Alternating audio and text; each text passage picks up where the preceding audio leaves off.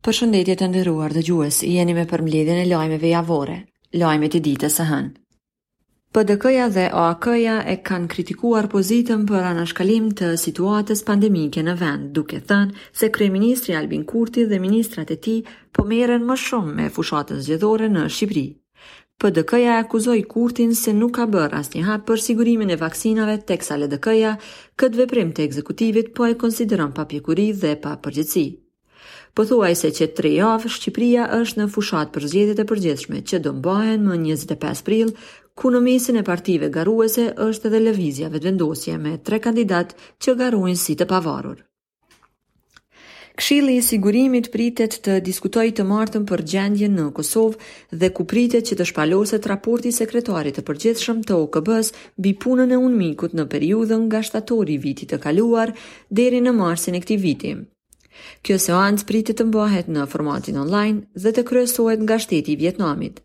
Në raportin e fundit të sekretarit Antonio Guterres është përfshirë mbajtja e zgjedhjeve të jashtëzakonshme, aktakuzat ndaj ish-krerëve të UÇK-së, të cilat sipas Guterres kanë ndikuar në ngadalësimin e dialogut me Serbinë.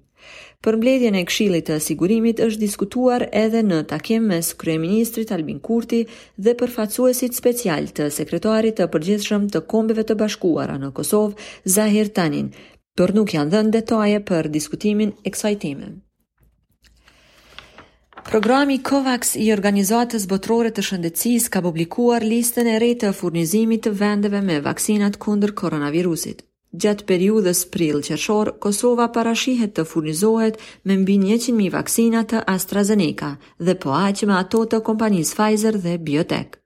Kosova është vendi i fundit në rajon që ka marrë dozat e para të vaksinës kundër koronavirusit. Sindikata e Bashkuar e Arsimit po kërkon nga Qeveria e Kosovës që të vaksinojë edhe mësimdhënësit, pasi që sipas tyre këta të fundit po përballen çdo ditë me virusin në shkolla. Përkundër kësaj kërkese, Ministria e Arsimit nuk ka dhënë asnjë detaj se kur do të fillojë procesi i vaksinimit. Sipas raportit ditor nga IKSHPK, tetë persona kanë humbur jetën me Covid nëntëmbëdhjetë, derisa janë regjistruar edhe treqind e dyzet e pesë raste të reja të infektimit me këtë virus. Gjatë kësaj periudhe janë shëruar pesëqind e tetëmbëdhjetë pacientë. Lajmet e ditës së martë. Prania e flamurit të Kosovës zgjoi debate mes anëtarëve të Këshillit të Sigurimit të Kombeve të Bashkuara ku në rend dite ka qenë raporti për Kosovën. Rusia ka qenë ajo që i ka kërkuar ministres së jashtme Donika Gërvalla që ta largojë flamurin mbrapa saj. Mirëpo kjo kërkesë është kundërshtuar nga Britania e Madhe, e cila ka vlerësuar se nuk ka asnjë arsye që kryediplomatja kosovare të ndryshojë pamjen nga ku do të prezantojë. Pakënaqësitë në lidhje me flamurin shtynë presidentin e Këshillit të OKB-së të suspendojë mbledhjen e hapur virtuale për Kosovën për konsultime të mbyllura pas kërkesës së Rusisë. Por më pas mbledhja ka vazhduar sërisht. Ministrja e Jashtme Donika Gërvalla u është drejtuar anëtarëve të Këshillit të Sigurimit të OKB-së me mesazhin se Kosova është e gatshme të vazhdojë bisedimet me Serbinë, megjithëse kjo e fundit është përgjegjëse për masakrat e gjenocidit në Kosovë e më gjerë. Në mbledhjen e Qeverisë është miratuar koncept-dokumenti për konfiskimin e pasurisë së pajustifikueshme. Sipas ministres së Drejtësisë, kjo tregon vullnetin e Qeverisë për luftën ndaj korrupsionit. Në mbledhjen e Qeverisë është miratuar edhe Kodi i Procedurës Penale, i cili parasheh gjykimin në mungesë. Njëri prej vendimeve ishte edhe anulimi i vendimit me anë të së cilit qeveria Hoti i kishte propozuar kuvendit kandidatët për kryesues të bordit të zyrës së rregullatorit të energjisë. Po ashtu, qeveria ka ndarë 6 milionë euro për sigurimin e vaksinave anti-Covid. Komisioneri i Bashkimit Evropian për Fqinjësi dhe Zgjerim, Oliver Varhelyi, ka kërkuar nga kryeministri Albin Kurti vazhdim të dialogut me Serbinë. Këtë qëndrim ai e ka shprehur në letrën e urimit për Kurtin. Zyrtari i BE-së ka thënë se proceset integruese për Kosovën varen edhe nga dialogu dhe arritja e marrëveshjes gjithëpërfshirëse mes dy shteteve. Presidentja e Kosovës Vjosa Osmani ka pritur në takim tre ish-presidentët e Republikës së Kosovës, Fatmir Sejdiun, Behgjet Pacollin dhe Atifete Jahjagën. Ish-presidentët kanë uruar Osmanin për detyrën e re derisa i kanë bërë thirrje që të punojnë në të mirë të shtetit. 12 persona kanë vdekur me COVID-19 gjatë 24 orëve të fundit në vendin tonë, derisa janë regjistruar edhe 494 raste të reja. Sipas raportit ditor të IKSHPK-së, gjatë kësaj periudhe janë raportuar edhe 109 pacientë të shëruar. Lajmet e ditës së mërkurë. Kanë kaluar 22 vite nga masakra në lagjen e Kovaqe në Mitrovicë. Forcat serbe kishin vrarë e masakruar 31 banorë të kësaj lagje më 14 prill të vitit 1999. Familjarët kanë thënë se dhimbja për më të dashurit e tyre është e madhe derisa kanë bërë thirrje për drejtësi. Vitin e kaluar është ndërtuar edhe lapidari për të nderuar të vrarët. Në përkujtim të të vrarëve gjatë ditës kanë bërë homazhe edhe krerë institucionalë. Më 14 prill të vitit 1999, Vasfije Krasniqi u dhunua seksualisht nga forcat serbe. Presidentja e Kosovës Vjosa Osmani ka thënë se pikërisht 14 prilli do të jetë ditë e shënuar për të mbijetuarit e dhunës seksuale, duke thënë se nuk duhet të lejohet që Vasfije Krasniqi të bartë e vetme të gjithë barrën. Presidentja Osmani ka thënë se do vazhdojë të kërkojë drejtësi për krimet e kryera nga Serbia. Qendra Kosovare për Rehabilitimin e të Mbijetuarve të Torturës në bashkëpunim me projektin Zvicran Rritja dhe Angazhimi për të Drejtat Tranzicionale në Kosovë kanë publikuar raportin e drejta për të vërtetën e viktimave pa emër, Në raport janë dokumentuar historitë e treqind e dyzet e pesë viktimave të dhunës seksuale në Kosovë. Fjalimi i ministres së Punëve të Jashtme Donika Gërvalla në mbledhjen e Këshillit të Sigurimit të OKB-së ka kaluar me reagime të shumta. Përmendja e krimit dhe korrupsionit në Kosovë u kritikua nga opozita vendore. Madje PDK-ja e ka quajtur të suspenduar politikën e jashtme dhe sipas saj ministrja Gërvalla po vepron në përputhje me narracionin rus në këtë drejtim. Sipas ish konsullës kosovare në Nju Jork që vjen nga radhët e LDK-së, Teuta Sahatqija nuk është dashur fare që të ketë në këtë mbledhje të fshihet edhe krimi e korrupsioni. Gjatë 24 orëve të fundit në vendin tonë, 14 persona kanë humbë betejën me COVID-19, ndërsa janë konfirmuar edhe 701 raste të reja të infektimit. Gjatë këtij 24 orëshi janë shëruar 737 pacientë. Lajmet e ditës së enjte. Më 15 dhe 16 prill të vitit 1999, forcat sërbe rrethuan fshatin Sllovi, ku vranë dhe masakruan 45 banorë të këtij fshati. Në përvjetorin e kësaj masakre janë bërë homazhe dhe janë përkujtuar të vrarët, derisa u është bërë thirrje institucioneve që të vënë para drejtësisë kryerësit e kësaj masakre. Gjatë ditës edhe kryetari i komunës së Lipjanit ka thënë se ka bërë homazhe tek lapidari në kompleksin memorial në varrezat e fshatit Sllovi.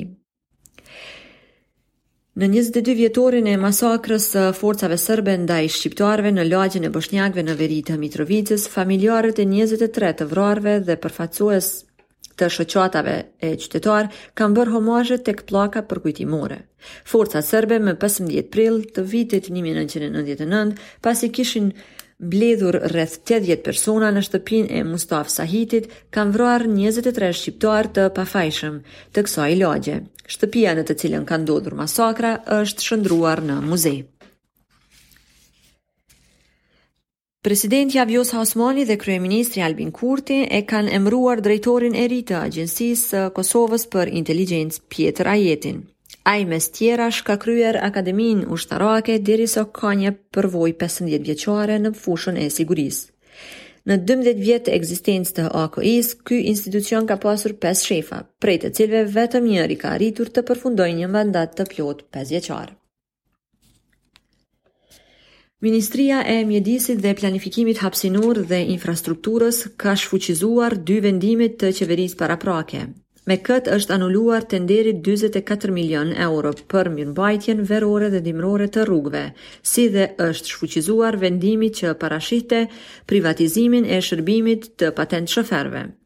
Zëvendësministri Hysen Durmishi ka bërë të ditur se janë duke u shqyrtuar edhe disa vendime të tjera.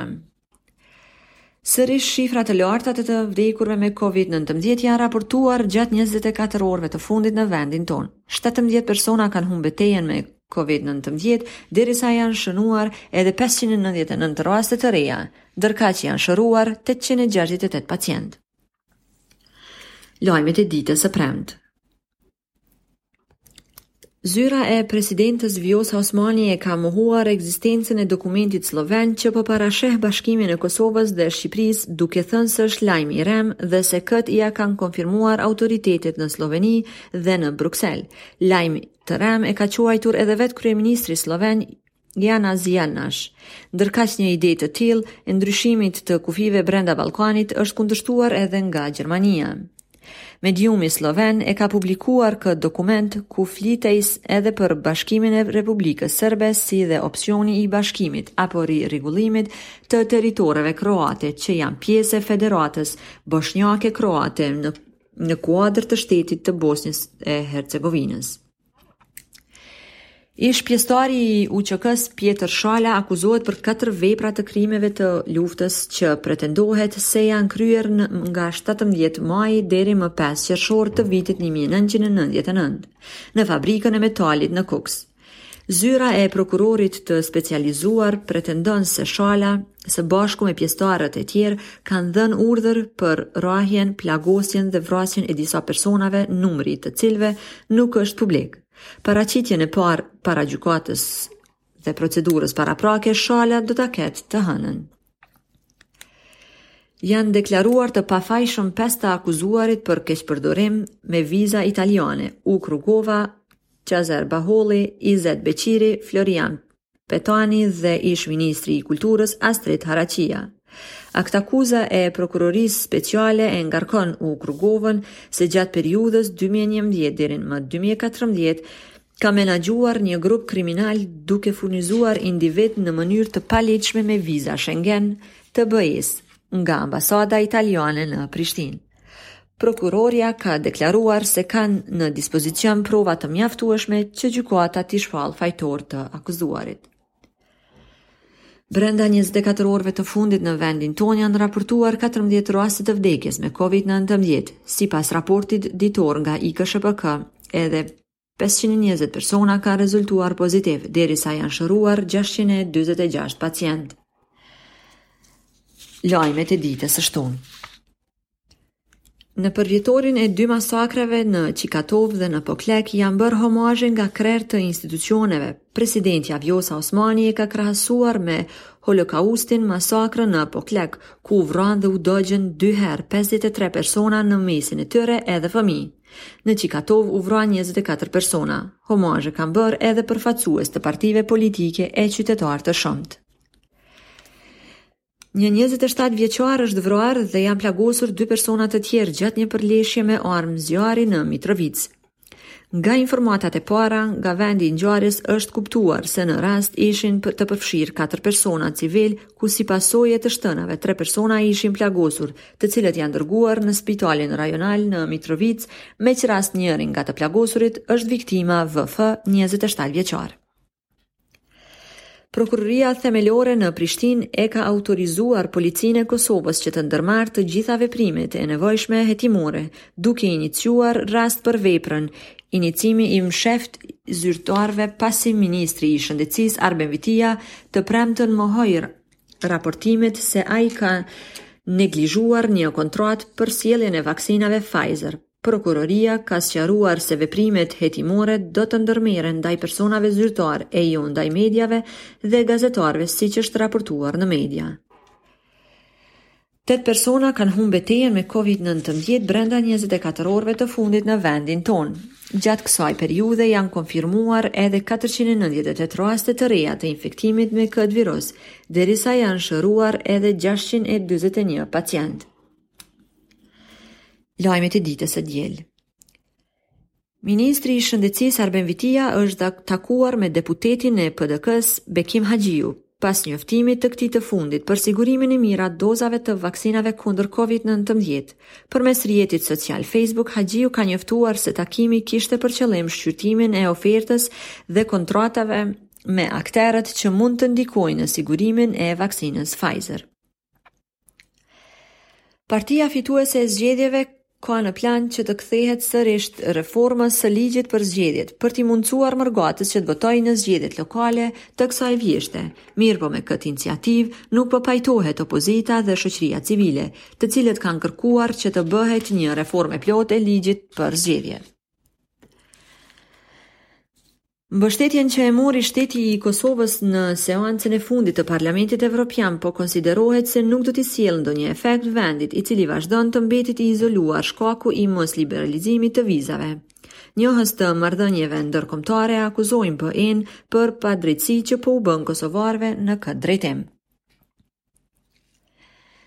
Në bazë të vendimit të ri, nga e hëna do të hapet gastronomia dhe qendrat tregtare, ndërsa mësimi do të vazhdojë me prezencën fizike të nxënësve në shkolla. Me vendim të ri, kufizimi i lëvizjes do të vazhdojë nga ora 22:30 deri në ora 5 të mëngjesit. Gjatë 24 orëve të fundit në vendin tonë janë regjistruar 11 raste të vdekjes si pasojë e COVID-19, derisa janë raportuar edhe 364 raste të reja me këtë virus. Gjatë kësaj periudhe janë shëruar edhe 529 pacientë.